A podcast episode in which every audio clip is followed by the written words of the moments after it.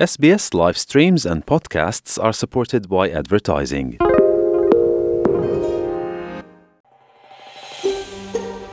Słuchasz SBS po polsku.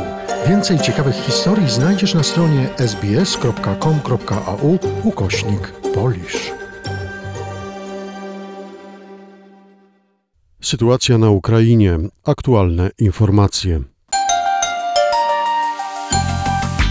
Ukraińskie siły miały zająć lotnisko w Hostemelu niedaleko Kijowa. Takie informacje podaje brytyjski wywiad. Od kilku dni Ukraińcy odzyskują kolejne tereny wokół stolicy z rąk powoli wycofującej się stamtąd rosyjskiej armii. Informacje w tej sprawie zebrał Wojciech Cegielski z Informacyjnej Agencji Radiowej. W ostatnim czasie ukraińska armia odzyskała podkijowskie miasta Irpień i Bucza, które jeszcze niedawno były areną brutalnych starć. Mieszkańcy w popłochu uciekali z domów.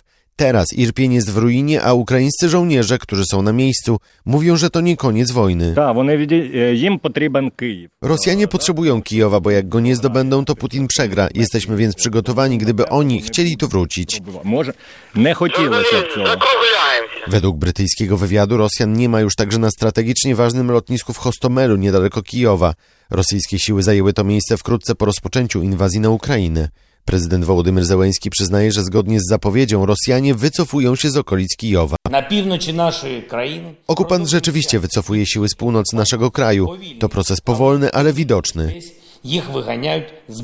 Zarówno ukraińska armia, jak i NATO przestrzegają jednak, że Rosjanie wycofują się, by móc przygotować nową ofensywę w Donbasie na wschodzie Ukrainy.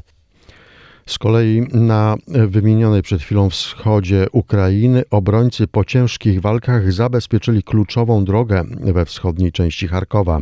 W obwodzie ługańskim wojska ukraińskie zestrzeliły kolejny rosyjski helikopter. Jak ustalił dziennik The Times, Ukraińcy używali do tego systemu rakietowego Starstreak produkcji brytyjskiej. Gazeta podaje, że po raz pierwszy brytyjska rakieta przeciwlotnicza zestrzeliła rosyjski śmigłowiec na Ukrainie.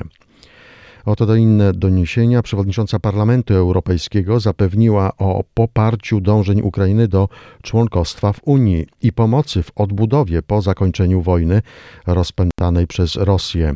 Roberta Metzola pojechała do Kijowa, gdzie spotkała się z prezydentem Ukrainy Wołodymyrem Zeleńskim i wygłosiła przemówienie do Rady Najwyższej Ukrainy. O szczegółach Beata Płomecka z Informacyjnej Agencji Radiowej. Prezydent Ukrainy Wołodymyr Zełański podziękował przewodniczącej Europarlamentu za wizytę w Kijowie.